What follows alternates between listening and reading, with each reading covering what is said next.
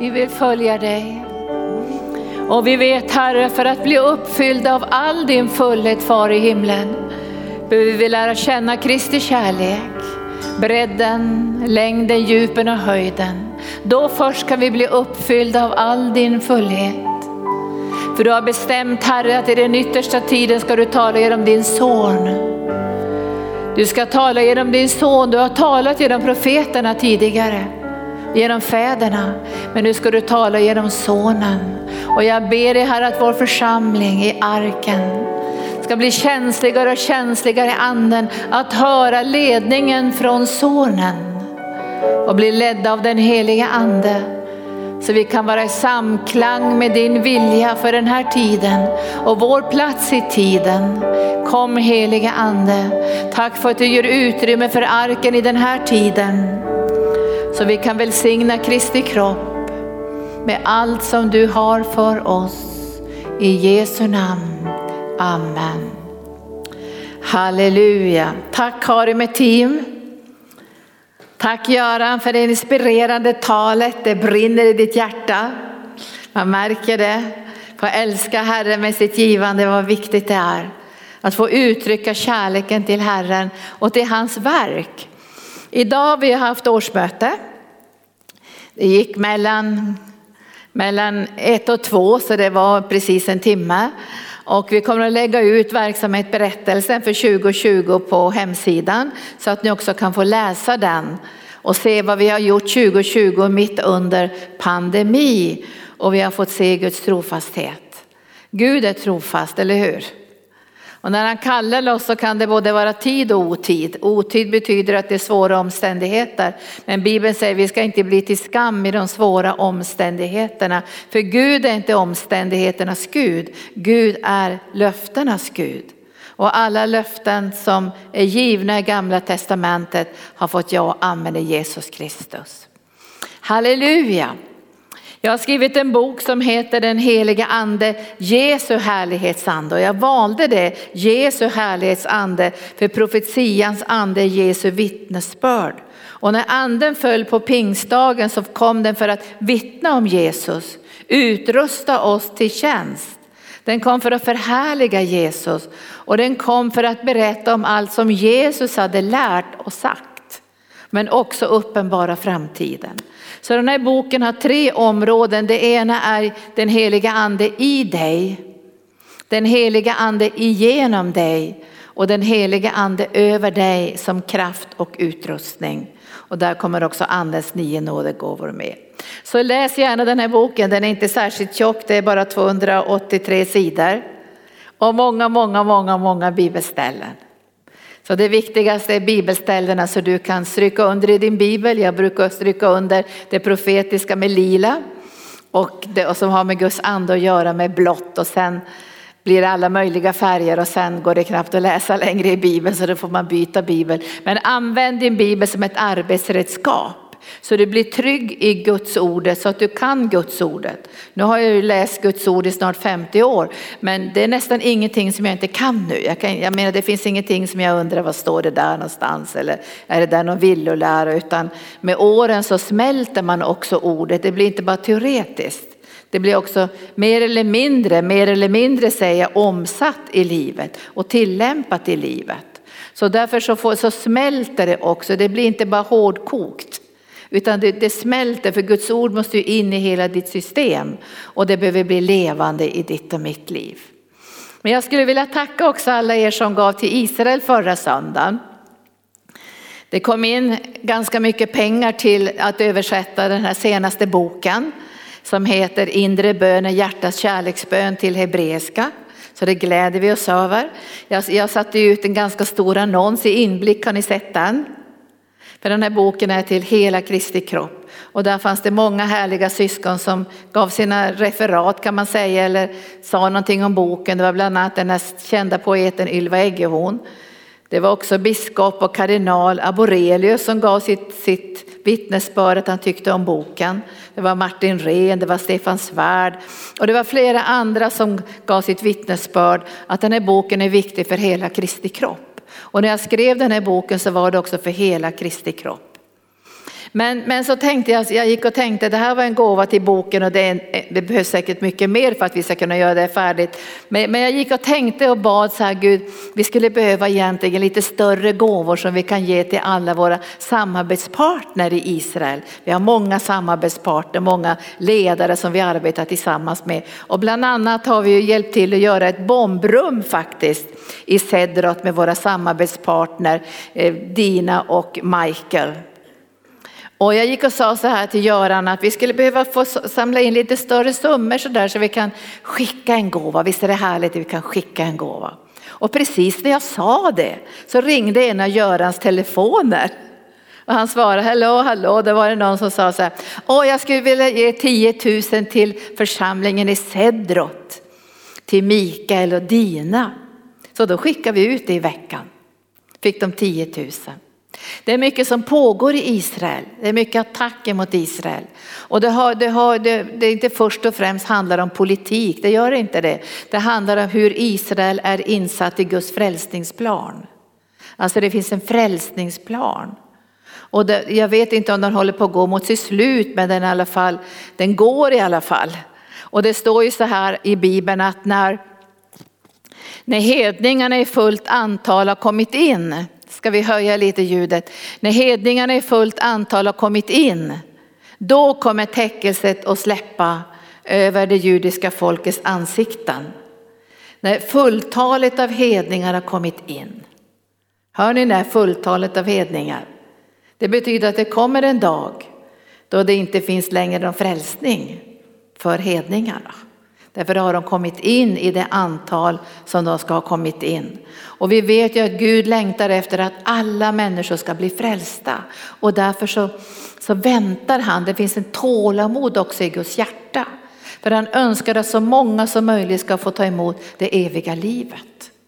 Men det står ju de här orden och vi längtar ju efter att täckelset ska ska släppa över det judiska folket så de ska få se sin Messias. Och vi märker, jag sa förra söndagen också, att det har skett stora saker i Israel sedan 1948. Därför nu är ju i hela Israel finns det starka messianska församlingar som förstår hur gamla och nya testamentet sitter ihop och Guds frälsningsplan genom Jesus Kristus. Och de finns ända uppifrån norr till söder, finns de över hela Israel och de älskar Jesus och de brinner för evangelium och de flesta av de här församlingarna har kraftfulla utåtriktade arbeten där de evangeliserar. Ska vi tacka Herren? Tack Jesus. Och Jesus han säger, jag sa förra söndagen, jag bara sa det som en inledning så här, så kan vi ju läsa i olika ställen i Nya Testamentet, i, i Markus och Lukas och, och Matteus läser vi kanske mest i Matteus 24 om de yttersta tiderna. Och idag ska vi tala om tider, om tid och förvalta tid och vara i samklang med Guds tid. Du vet att en församling kan vara helt utan samklang med Guds tid.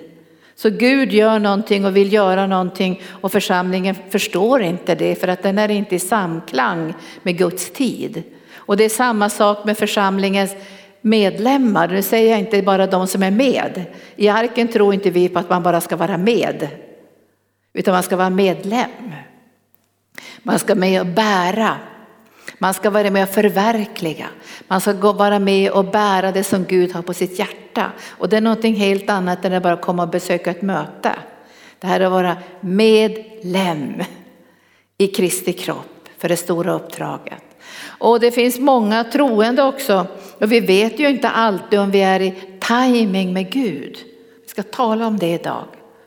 Att, att vara i timing med Guds plan och Guds vilja. Och det är avgörande för oss att förstå vår tid. För vi behöver bara förstå vår tid. Vi behöver inte tyda alla profetiska ord om 2050, utan vi behöver förstå vår tid och de profetiska orden som gäller vår tid. Och när Jesus ger instruktioner i Matteus 24 till sin församling så säger han några saker som jag tror är viktiga. Han säger så här att vi ska inte fokusera på mörkret. Så vi blir helt upptagna med jordbävningar och krig och miljöförstörelse. Utan det första han säger är, ni ska inte vara rädda. Ni får inte gå in under fruktan, det är det första han säger. Därför när man kommer in under fruktan så kommer man också in under förvirring. Och det är svårt att lyda Gud när fruktan kommer. Vi märkte också i pandemin att det kom mycket fruktan. Och Gunnar och jag fick hålla fast vid det här att vi som ledare kan inte dra oss undan, eller hur? Det står ju det att det är bara falska ledare som smiter när vargen kommer. Så vi fick göra det första beslutet, vi kan inte dra oss undan. Ja men det är pandemi, tänk om ni är farozonen och tänk om ni dör och så här. Ja det kan väl hända att vi dör. Det ska vi väl göra allihop en dag. Men vi, vi måste ju dö i så fall på rätt sätt, eller vad säger ni? Men det första var ju, vi, vi kan inte gå in under fruktan. Alltså vi såg ju många församlingar och ledare som gick in under fruktan. Och när man leds av fruktan kommer man in i begränsning. Alltså man fokuserar på omständigheterna. Och visst kan man känna de här skakningarna. Hjälp, tänk om vi får corona, tänk om vi dör och tänk om vi får ligga på intensiven och vem ska kunna jobba i arken och sådana saker. Men det fick vi lägga till Guds, på Guds altare, eller hur? Det fick vi lägga på Guds altare. Därför Gud hade sagt, frukta inte. Och när vi läser fruktan och församlingar läser fruktan så är vi inte i timing med det som Gud håller på med. Det blir förvirring, det blir otro, det blir ängslan, man begränsar sig, man drar sig undan, man blir rädd. Och då sa Jesus, vi ska inte vara rädda, det var nummer ett. Och nummer två var, det kommer ni ihåg också, jag tog upp några punkter. Nummer två det var ju att, att vi skulle fortsätta att föra ut evangelium. Därför att evangelium måste till alla folk innan Jesus kommer tillbaka. Alltså till alla folk, alla stammar, alla kategorier människor ska få höra evangelium.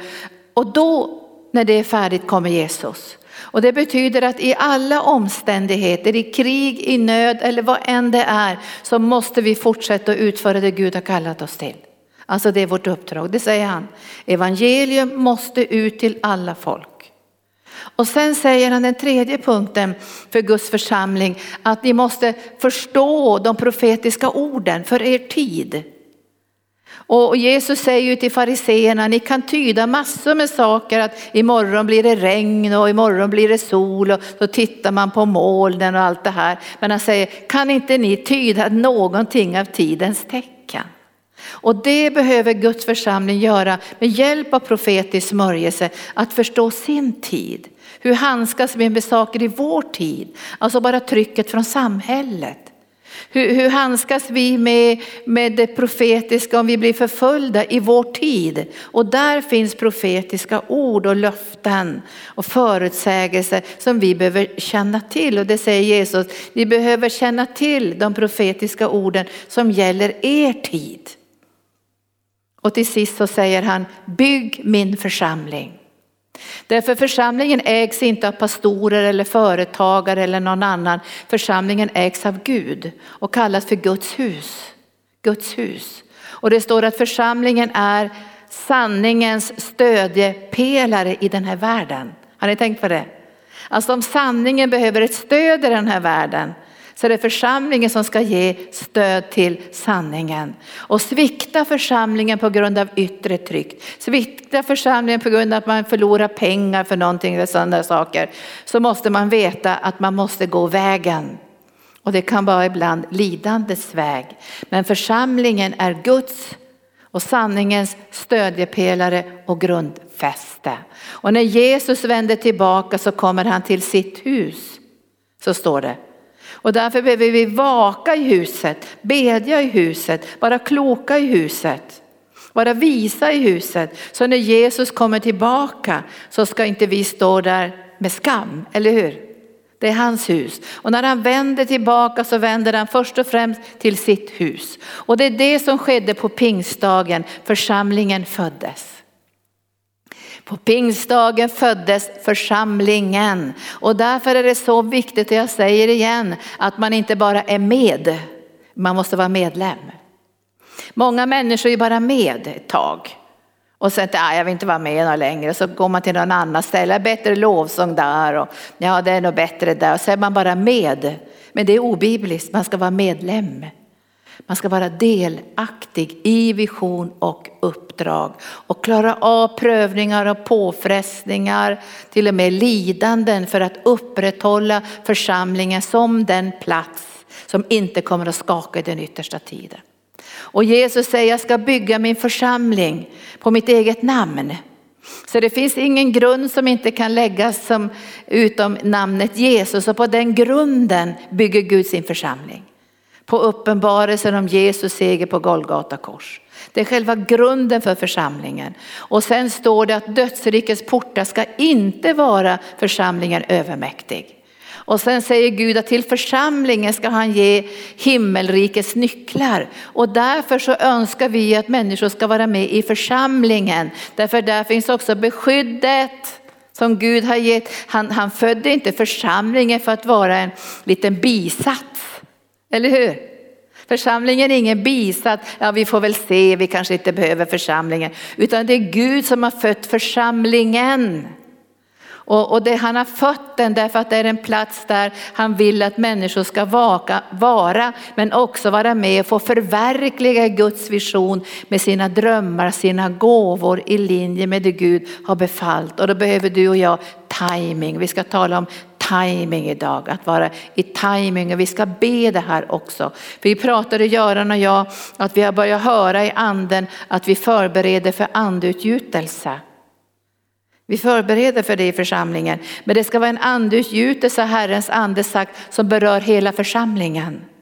Inte bara Eh, evangelisationsgruppen eller lovsångarna eller de som håller på med barnarbete utan utgjutelsen ska beröra hela församlingen och alla grenar och alla åldrar. Så vi förbereder för andeutgjutelse. Och det kommer att vara underbart att få se evangelisterna brinna av den heliga ande. Lovsångare brinna av den heliga ande. Äldsta ledare, församlingsledare brinna i den heliga ande. Och det är underbart att kunna få se barnen fyllda med den heliga ande. Barnen talar i tungor och flöda i den heliga ande. Alltså andutgjutelse för hela församlingen. Och det är väldigt ovanligt vänner. Vi har läst kyrkohistoria Gunnar och jag. Det är väldigt ovanligt. Ofta är det grupper i församlingen som berörs. Och när grupper i församlingen berörs blir det ibland splittring. Därför de som berörs blir kritiska mot dem de tycker är lite torra då. Och då berörs bara vissa delar. Och det blir inte den kraften som Gud har tänkt.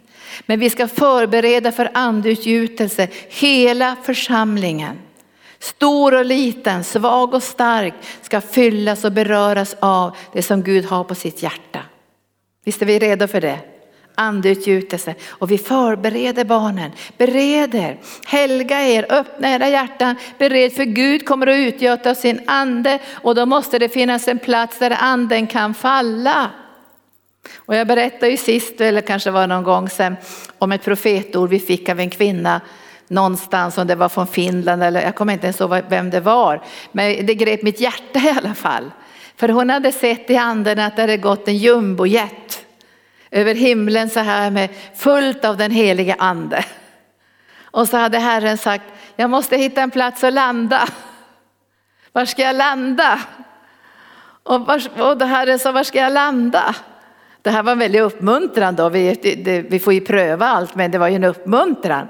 Och då hade, hade hon sett i anden en, en stor landningsplats av guld. Och den landningsplatsen hette arken. Vet du, jag blev väldigt uppmuntrad. Alltså jag kände, jag blev uppmuntrad. Jag sa halleluja, vi bereder landningsplatsen för den heliga ande på alla avdelningar i allt det vi gör. Och inte bara här i Sverige utan i Filippinerna, i Israel, i Indien, i Nepal, i Afrika där vi har våra partners. Ska vi skriva och berätta för dem. Vi förbereder oss för andutgjutelse som ska beröra alla åldrar i er församling. Ingen ska bli utanför, det ska inte bli någon splittring så det är någon supergrupp som tar emot smörjelsen utan alla ska bli uppfyllda av den heliga ande. Och det här är ju ganska bibliskt. Apostlagärningarna 4, har ni läst det?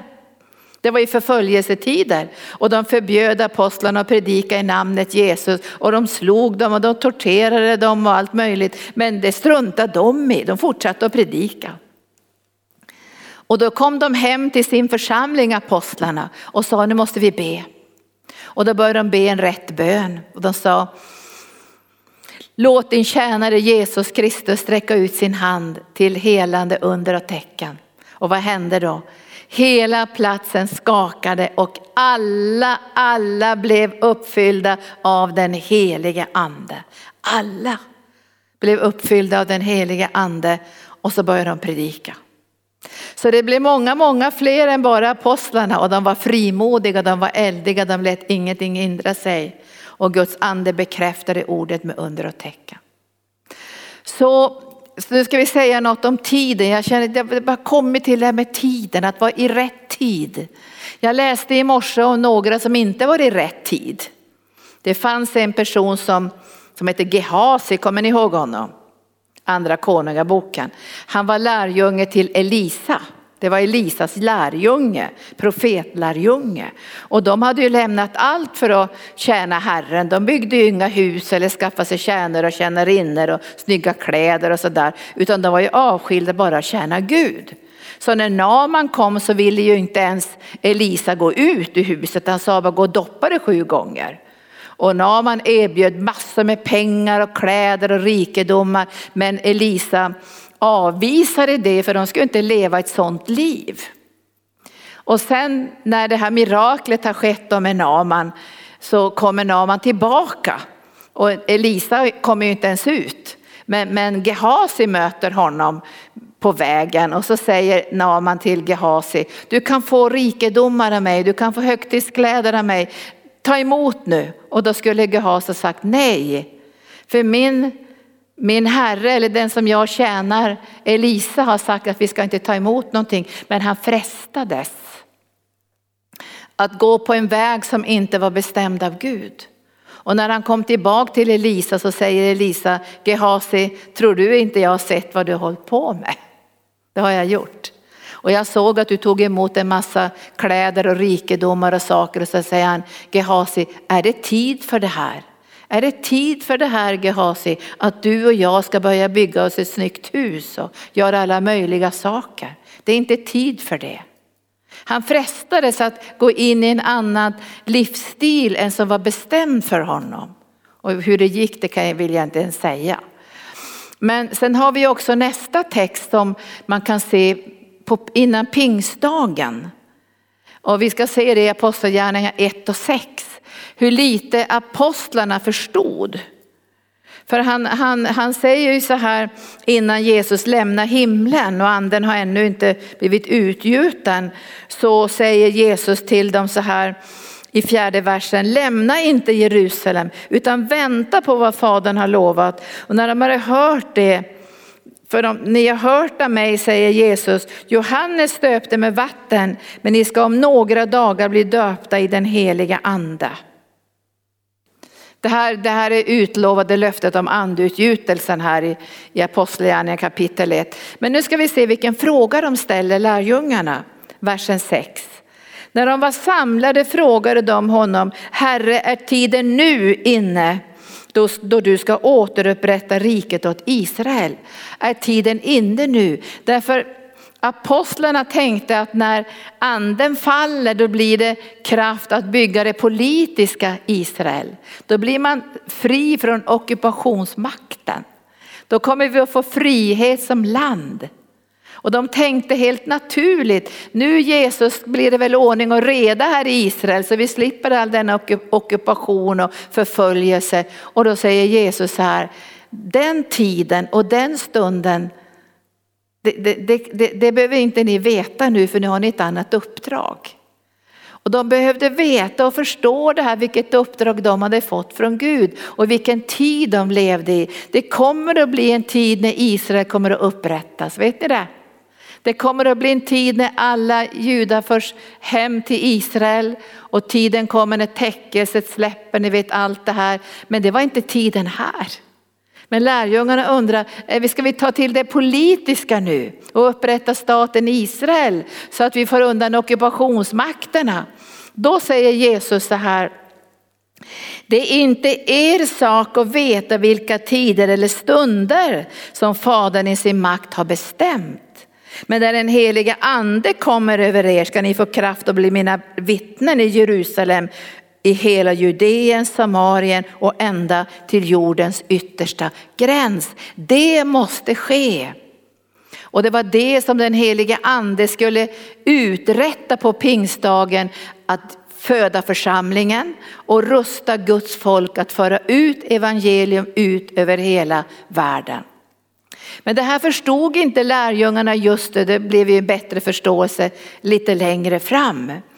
Men, men i Petrus brev så ska vi se vad Herren säger.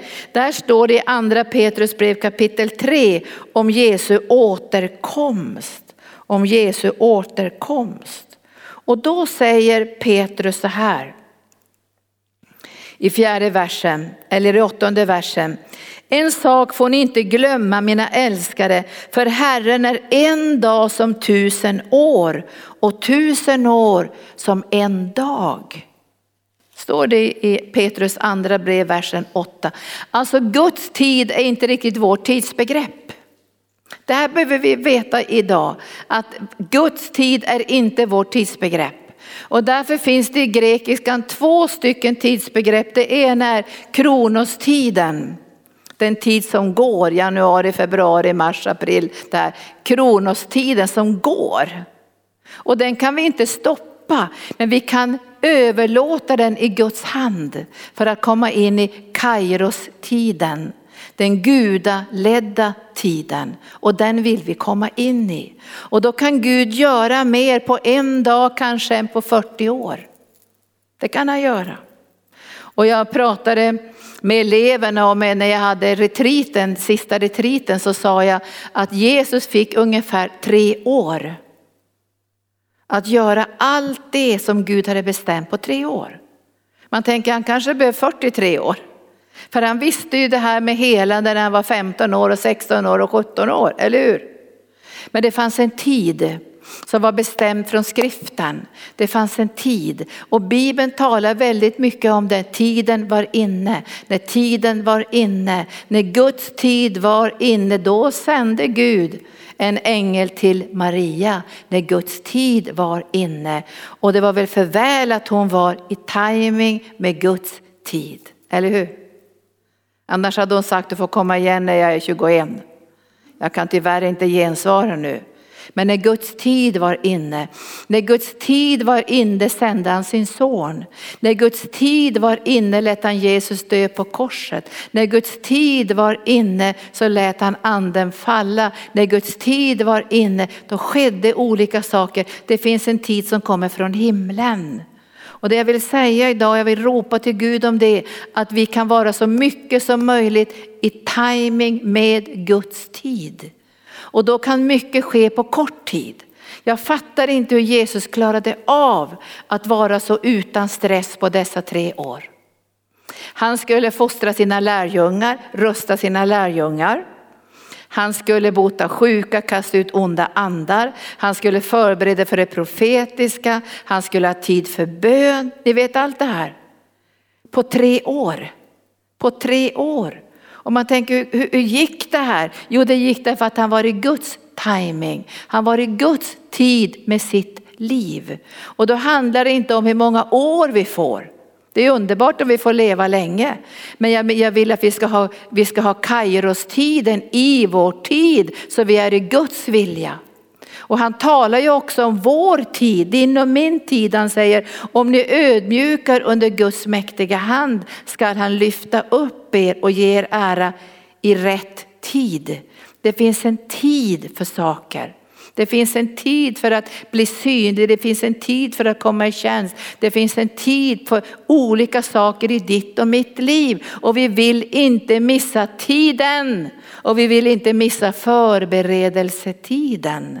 Det är många idag som missar förberedelsetiden. Så när Guds ande är där för att kalla dem, då är de inte förberedda i sina hjärtan för att kunna ta emot det som Gud har bestämt för dem. Vi pratade, pastor Gunnar och jag, och Gunnar sa så här, ja, sa jag tror faktiskt att jag hade minst 20 år av förberedelsetid för att kunna gensvara till att grunda församlingen Arken. så behövde jag förberedelsetid för att förbereda mitt hjärta. För att förbereda mina tankar, för att förbereda mitt liv. Och förberedelsetiden ser lite olika ut men ibland kan vi missa förberedelsetiden. Och, och Mo, eller Moses han säger ju så här, han säger ju så här, eller det Joshua, Moses har ju sagt det redan till Joshua, han säger helga er för nu ska ni få vara med om någonting som ni inte varit med om tidigare. Ni ska gå på en väg som ni inte har gått på tidigare. Och då får de helga sig och avskilja sig för att känna igen det Gud vill göra. För nu ska de få gå på en väg och komma in till en mognad i sitt liv. De har ju levt som bebisar i öknen. Alltså de, de har levt liksom, det var inte alls Guds tanke att de skulle leva så. De skulle leva så i 14 dagar möjligen eller 40 dagar att få manna från himlen och du vet molnstod och eldstod och gnälla på ledare och sånt där. Ni vet, ni har ju läst sånt där. Men de skulle ju in i någonting mognad och styrka och bära. Så då säger nu ska ni få någonting annat och nu måste ni lyfta blicken för nu ska ni gå på en väg som ni inte har gått förut. Men det underbara är som jag bara älskar i de här texterna det är att alla kom över på andra sidan. Ledarna stod kvar i jordens vatten till alla hade gått över.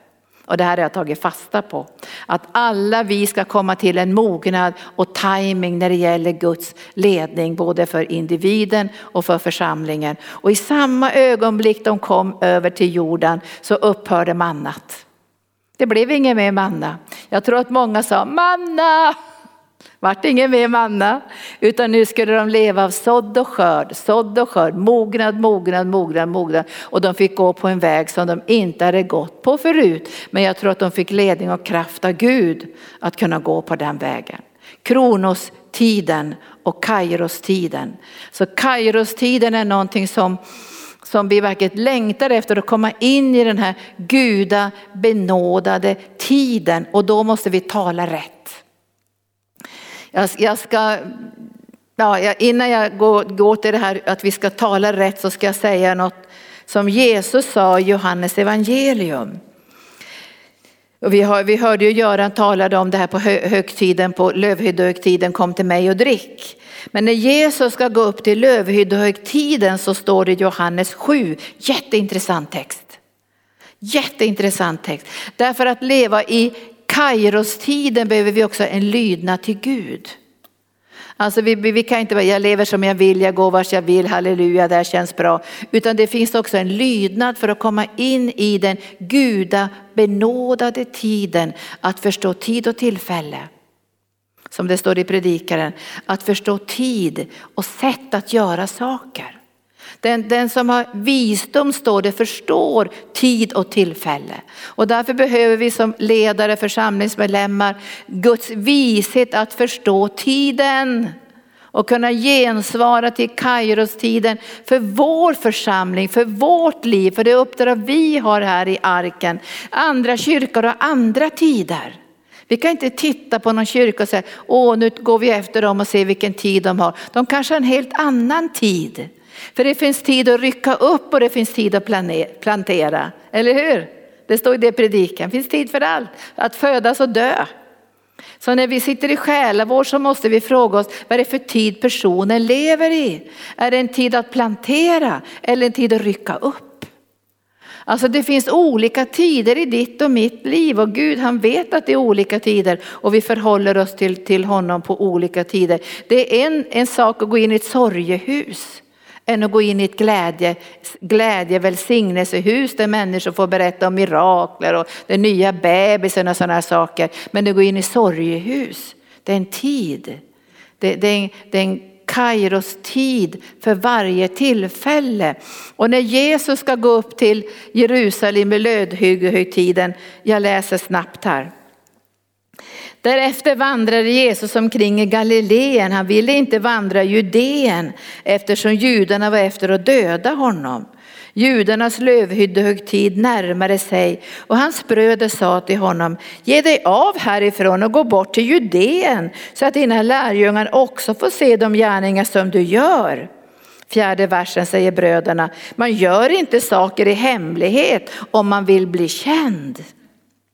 Om du gör sådana gärningar, visa då öppet för världen. Inte ens hans bröder trodde på honom. Alltså nu försökte de säga någonting vad Jesus borde göra. Nu borde du Jesus lämna, jämna Judeen, alltså, nu borde du han gick omkring i Galileen och han ville inte vandra i Judeen och säger lämna nu Galileen och gå in i Judeen Jesus för vill du bli känd så ska du väl göra sakerna så alla kan se det. Ganska bra argument, eller hur? Men Jesus han säger så här, så säger han, Jesus sa till dem, min tid har inte kommit än, men för er är det alltid rätt tid. Det är ganska allvarligt det här faktiskt. Han säger så här, er tid, min tid har inte kommit än, men för er är det alltid rätt tid. Alltså han skulle kunna säga, ni kan i princip göra precis vad ni vill, men jag står under lydnad av den heliga ande. Och jag måste hitta Guds tid för det här som jag ska göra. Och då säger Jesus så här, han säger så här, Går ni upp till högtiden? Jag går inte upp till högtiden än, för min tid är ännu inte inne, sa han och stannade i Galileen. Och det här tycker jag handlar om andens ledning. Alltså andens ledning både på ett individuellt och på ett högre plan. Alltså vi behöver be som församling att vara i samklang med Guds tid. Vi ska inte gå före Gud, springa, det går kanske inte att springa före Gud men man kanske kan hitta på saker som inte är i Guds vilja. Men man kan också komma så långt efter att man inte hittar det som Gud har. Och det här är, ett, det här är något som vi behöver bedja över att vi ska vara i samklang, i enhet med det som Gud har på sitt hjärta så vi inte får för mycket krockar heller. För de här som gav Jesus rådgivning, de trodde ju inte ens på honom. Om du vill bli känd Jesus, så då går du hit och fixar de här grejerna. Jesus säger, min tid är inte ännu inne. Kommer ni ihåg när de behövde vin? Då säger Maria, vinet har hållit på att ta slut. Och då säger Jesus, kvinna, min tid är inte inne. Jag kan inte göra en massa under och grejer bara i egen kraft. Jag måste vänta in den heliga anda.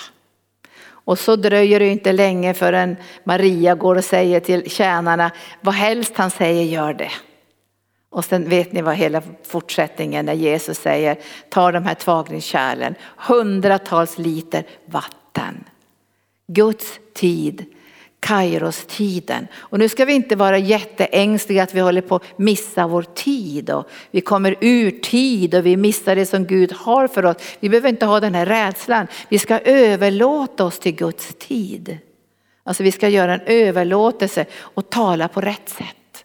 Vi ska börja med att titta på det där att tala på rätt sätt från Hesekiel 12. Vi ska tala på rätt sätt.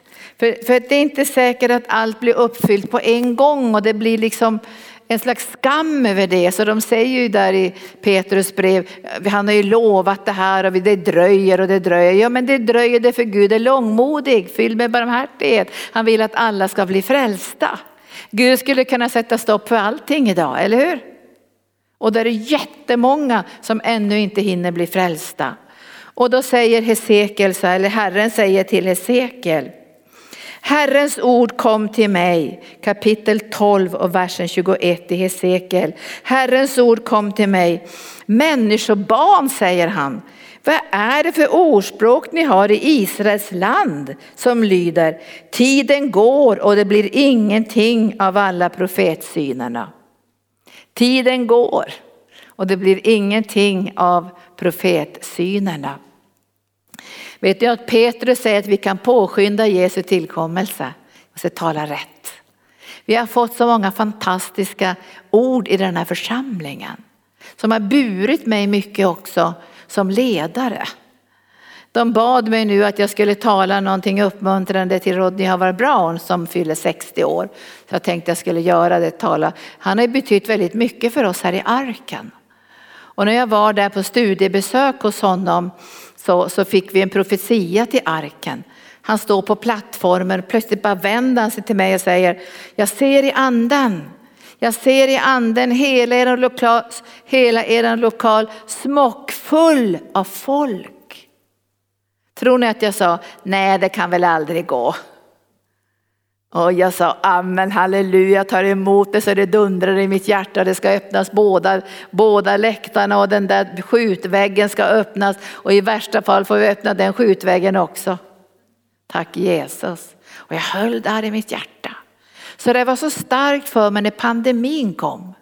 Så var det först väldigt jobbigt att stå och predika i en tom lokal. Det var vi inte vana vid att stå och predika i en tom lokal. Och den första Jesus helade och upprättade var ingen här utom lovsångarna. Och då var det som att den här profetian gav mig kraft. Så jag, jag, jag sa också till medarbetarna, nu ska vi predika som det var över tusen människor i lokalen. Och vi ska se dem i anden. Vi ska kalla på det. Vi ska leva ut det. Och först tyckte jag att det var svårt därför att jag talade bara till en svart hål om man säger så. Men efter ett tag så såg jag genom kameran tusentals människor som fick höra evangelium. Och därför säger Herren så här, se upp om ni, inte, om ni vill komma in i min tid, i, Kairo, i, i Kairos tiden, så säg så här, så säger Herren Gud, jag ska göra slut på det ordspråket så att man inte använder det mer i Israel. Tala istället så här. Tiden är nära då alla profetsyner ska gå till fullbordan. Tiden är nära. Vi ska vi tala så? Tiden är nära. Tiden är nära. Vi kallar på de ting vi inte ser så som de fanns. Så vi kommer in i Guds tid, så vi känner igen vad Gud gör, så vi kan förstå de små tecknen. Ser ni inte de små tecknen? Och ibland ser vi inte de små tecknen, vi ser inte att Gud har påbörjat någonting. Och när vi talar ut profetorden och liksom ligger i linje med vad Gud redan har sagt, då börjar vi märka, ja men där, det där, vi ser ju det börjar växa där. Vad är det som händer där? Vi ser de första tecknen och vi föraktar inte den ringa begynnelsen. Så, så han säger till Hesekiel, du ska tala ut istället, tiden är nära då profetsynerna ska fullbordas. Och så säger han, i versen 26 på slutet där eller 27, 28. Det ord som jag talar ska gå i uppfyllelse säger Herren Gud. De ord som jag har talat ska gå i uppfyllelse. Och vi önskar ju att vara i den tiden då saker går i uppfyllelse. Jag är inte säker att jag får leva så länge att jag ser allt gå i uppfyllelse. Men jag vill se många saker gå i uppfyllelse. För jag tror att vi är inne i en tid av skörd och det ska gå i uppfyllelse. Så vi ska tala rätt. För att kunna hålla oss i linje med Guds ord måste vi tala rätt. Det som Gud har lovat ska gå i uppfyllelse. Det här ska gå i uppfyllelse. För det, och så ska vi kalla på det som vi inte ännu ser med våra naturliga ögon. Så vi kan se med våra andliga ögon. Och sen behöver vi överlåta vår tid till Gud. Och det står i Salta salmen 31 och 16. Och vi ska inte hålla på så länge men vi ska säga något till om det här att överlåta sin tid till Gud. Och att ta vara på tiden. Vet du att tiden, kronostiden går snabbt. Det går snabbt. Det är många som jag känner säger så här, tiden har gått så fort. Tiden rusar fram. Och när folk blir äldre säger de, och det rusar fram. Är det sommar redan? Är det påsk redan? Eller det rusar fram. Många säger ju det därför att tidsbegreppet förändras när man blir äldre. När allting är nytt när man är barn. Alltså man har inte kört vägsträckan utan allting är nytt och känns det som att det tar längre tid. Vi brukar säga det att när man kör första gången till Sjöhamra gård, vår retreatgård, tycker man att det är lång väg. Men när man har kört det 10-15 gånger så tycker man att det går snabbt. Därför det händer någonting med tidsbegreppet. Och när man blir äldre har man ju borstat tänderna några miljoner gånger. Man har stigit upp och ätit frukost några miljoner gånger. Det är ju inte någonting nytt. Och därför så rusar tiden, därför att det är någonting nytt som kommer. Men då måste man in i Guds tid. I kronostiden som, så kronostiden ska inte ta över utan vi går in i kairostiden, Guds välsignelses tid. Och då behöver vi överlåta vår tid till Herren så vi inte börjar stressa och tänka hur ska jag hinna med det där, hur ska jag hinna med det där, hur ska jag hinna med det där. Då släpper vi det. För kommer vi in i Guds tid så kan vi vila i visshet om att vi får ledning från Herren och att vi kan göra Guds vilja utan stress. Visst vill vi det?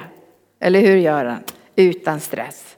Så då säger Herren så här att vi ska överlåta vår tid och nu vet ju vi som är här idag och alla som ser mig nu att alla våra dagar är skrivna i, i livets bok innan någon av dem har kommit och då är det lika bra att vi överlåter de dagarna till Gud. Och då säger ju Herren det här då ifrån Salta salmen 31 och 16 att vi ska överlåta våra dagar till Herren.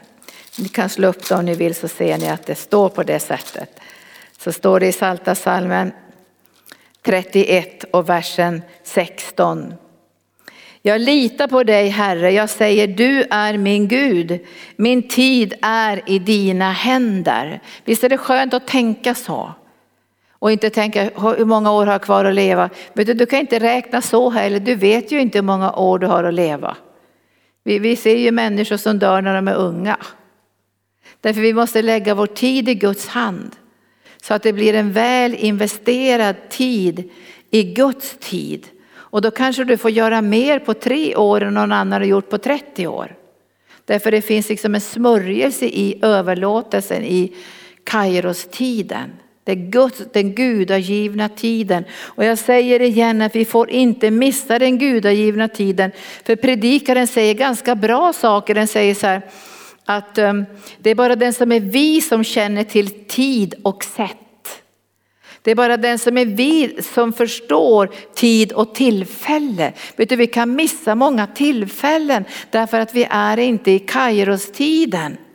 Vi är utanför Kairos så när Gud vill göra någonting då känner vi inte igen det. Och det är väldigt tragiskt när Gud vill göra någonting och ledare inte känner igen det, eller vad säger ni? Gud vill göra något och han vill ta steg eller något sånt där. Men vi känner inte igen det för vi har cementerat oss i någon gammal väckelse 1971. Utan vi känner inte igen vad Gud är på väg, vi vågar inte gensvara. Och därför behöver församlingen som helhet be. Gud för oss in i Kairos-tiden så att vi kan vara samklang med det som du har för oss i den här tiden. Jag behöver inte veta vad som Gud ska göra 2050. För jag är inte här då. Men vi behöver veta vad Gud ska göra nu. Hur är vår tid nu? Och de kommande generationerna måste be Kairos-tiden för sitt tid och sitt liv och komma in i de profetiska orden för den tid som de ska leva i. Men vi behöver veta vad vill Gud nu så vi är i samklang, så vi inte är i oharmoni eller disharmoni med det som Gud har i sitt hjärta. Och det är ganska, jag tror jag ska läsa det vad han säger så här i predikaren och du tittar predikaren ligger lite bortanför där ordspråksboken och så kommer predikaren och det står i kapitel 9 i predikaren så säger han så här. Så i 9 och 11. Vidare såg jag under solen, det är inte de snabba som vinner loppet eller hjältarna som vinner striden. Det är inte de visa som får bröd, de kloka som får rikedom eller de kunniga som får uppskattning. Allt beror på tid och tillfälle. Människan känner inte heller sin tid. Som fiskarna fångas i olycksnätet och fåglarna fastnar i snaran så snärjs också människors barn i olyckans tid när plötsligt det drabbar dem någonting. Och det här tycker jag är så jättetragiskt när vi inte känner vår tid. Jesus kände sin tid och vi ska känna vår tid. Så vi kan koppla ihop med det som Gud har på, vårt, på våra hjärtan och det Gud har för oss tillsammans. Och nu ska vi läsa eh, de två sista bibelställena. För det första så säger han så här i Efesierbrevet 5 och 15. Tänk alltså noga på hur ni lever, inte som ovisa människor utan som visa. Ta väl vara på varje tillfälle för dagarna är onda. Varför är dagarna onda? Därför det finns ett motstånd mot Jesus i de här dagarna. Så vi måste ta vara på dagarna. Och i natt så hörde jag Herren säga Alltså att vi måste känna igen Guds övernaturliga ledning i våra naturliga liv. Så när man är på en arbetsplats så har man ett ansvar att be Gud om den övernaturliga ledningen. Hur ska jag få mina arbetskamrater frälsta? Hur ska jag få in dem i en, i en upptäckargrupp? Eller hur ska jag få in de här människorna att de kan komma till Guds församling? Alltså det finns en plan och när man är i Guds Kairos-tid så finns det hela tiden öppningar. Hur många gånger missar vi inte öppningarna? Gud öppnar, vi ser det inte ens. Vi är som Jakob, oj jag sov i himmelens port och jag märkte det inte ens. Utan Gud har ständigt öppnat öppningar, för tiden är ond. Det finns ett motstånd mot evangelium. Men man är inte på en arbetsplats i första hand för att göra ett arbete, utan man är där i första hand säger jag, för att föra ut evangelium. Det är därför man är där.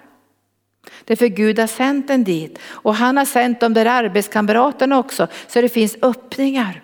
Och så kommer den där Kairostiden när den här kamraten kanske har fått cancer.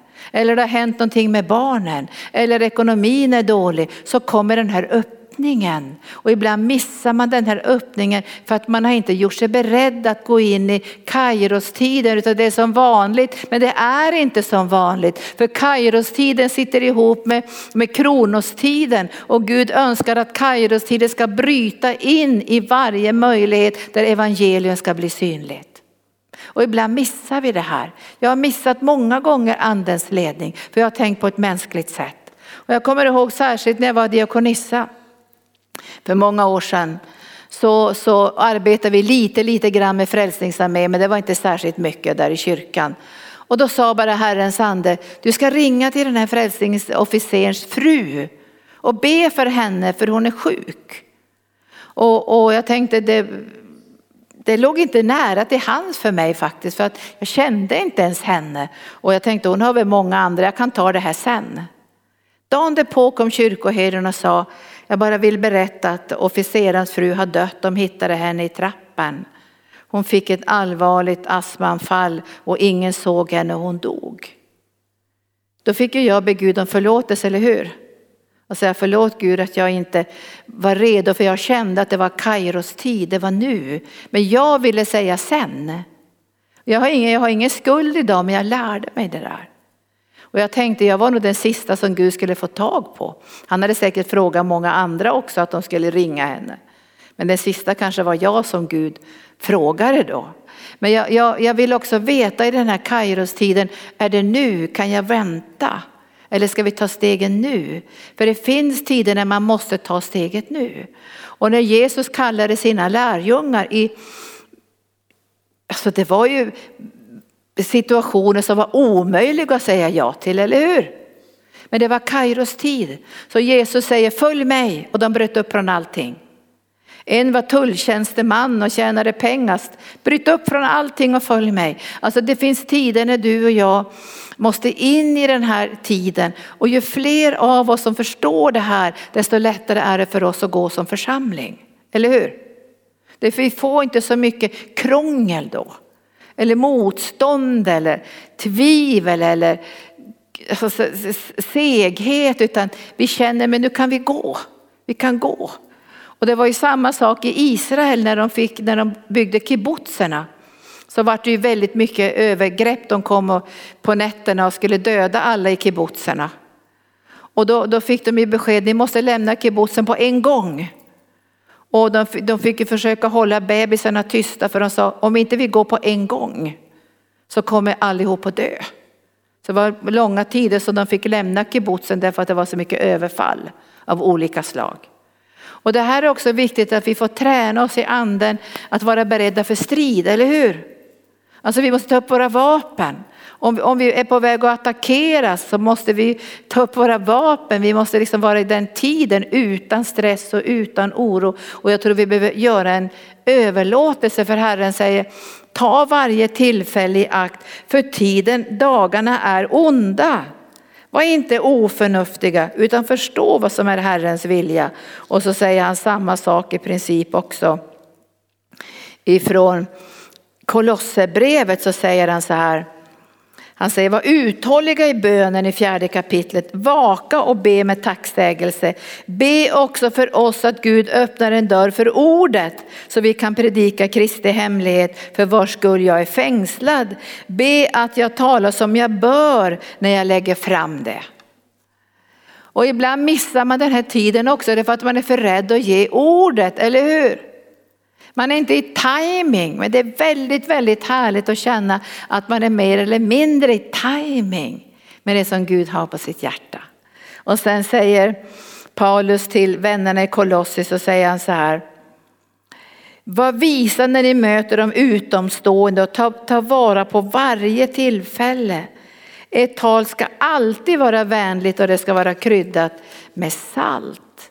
Och sen säger Herren så här, så säger han, det tar vi till sist, han säger andra Timoteus 4 och 2, i tid och i otid. Otid kanske inte är det, det roligaste va? Gunnar brukar berätta om sin fastor som jämt höll på i otid. De höll på att skämmas ihjäl de här tonåringarna. Första Tim 4 och 2.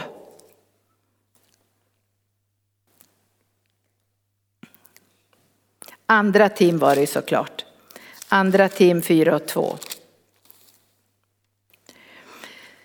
Gunnars faster hon alltid i otid. Så du vet de är tonåringar själv på att skämmas ihjäl. Fort de var på någon fest eller på någon tillställning då knackade hon i glaset. Kan jag få säga några ord? Och de tänkte nej gode Gud nu börjar hon igen. Och så sa jag, jag skulle vilja säga några ord om Jesus. Och han tänkte nu kommer alla bara dra sig undan och skälla ut henne och hon har skämt ut sig. Det som hände istället var att folk kom till henne efteråt. Ja, vi har tänkt på det här. Och kan du berätta mer för oss? Men hon gjorde det här i otid, alltså där det inte riktigt var naturliga förutsättningar för att ge evangelium. Och det här är också något man, man är i Guds tid men man är i otid med världen. Vi kan vara i otid med världen eller vi är inte i samklang med världen. Vad tycker världen? Vad kan vi säga och vad kan vi göra? Vi kan vara i otid med våra arbetsplatser, i otid med sjukvården, men vi är i tid med Gud. Vi är i tid med Gud. Och då säger, då säger Paulus till Timoteus så här, jag uppmanar dig allvarligt inför Gud och Kristus Jesus som ska döma levande och döda inför hans uppenbarelse och hans rike. Predika ordet, träd fram i tid och otid.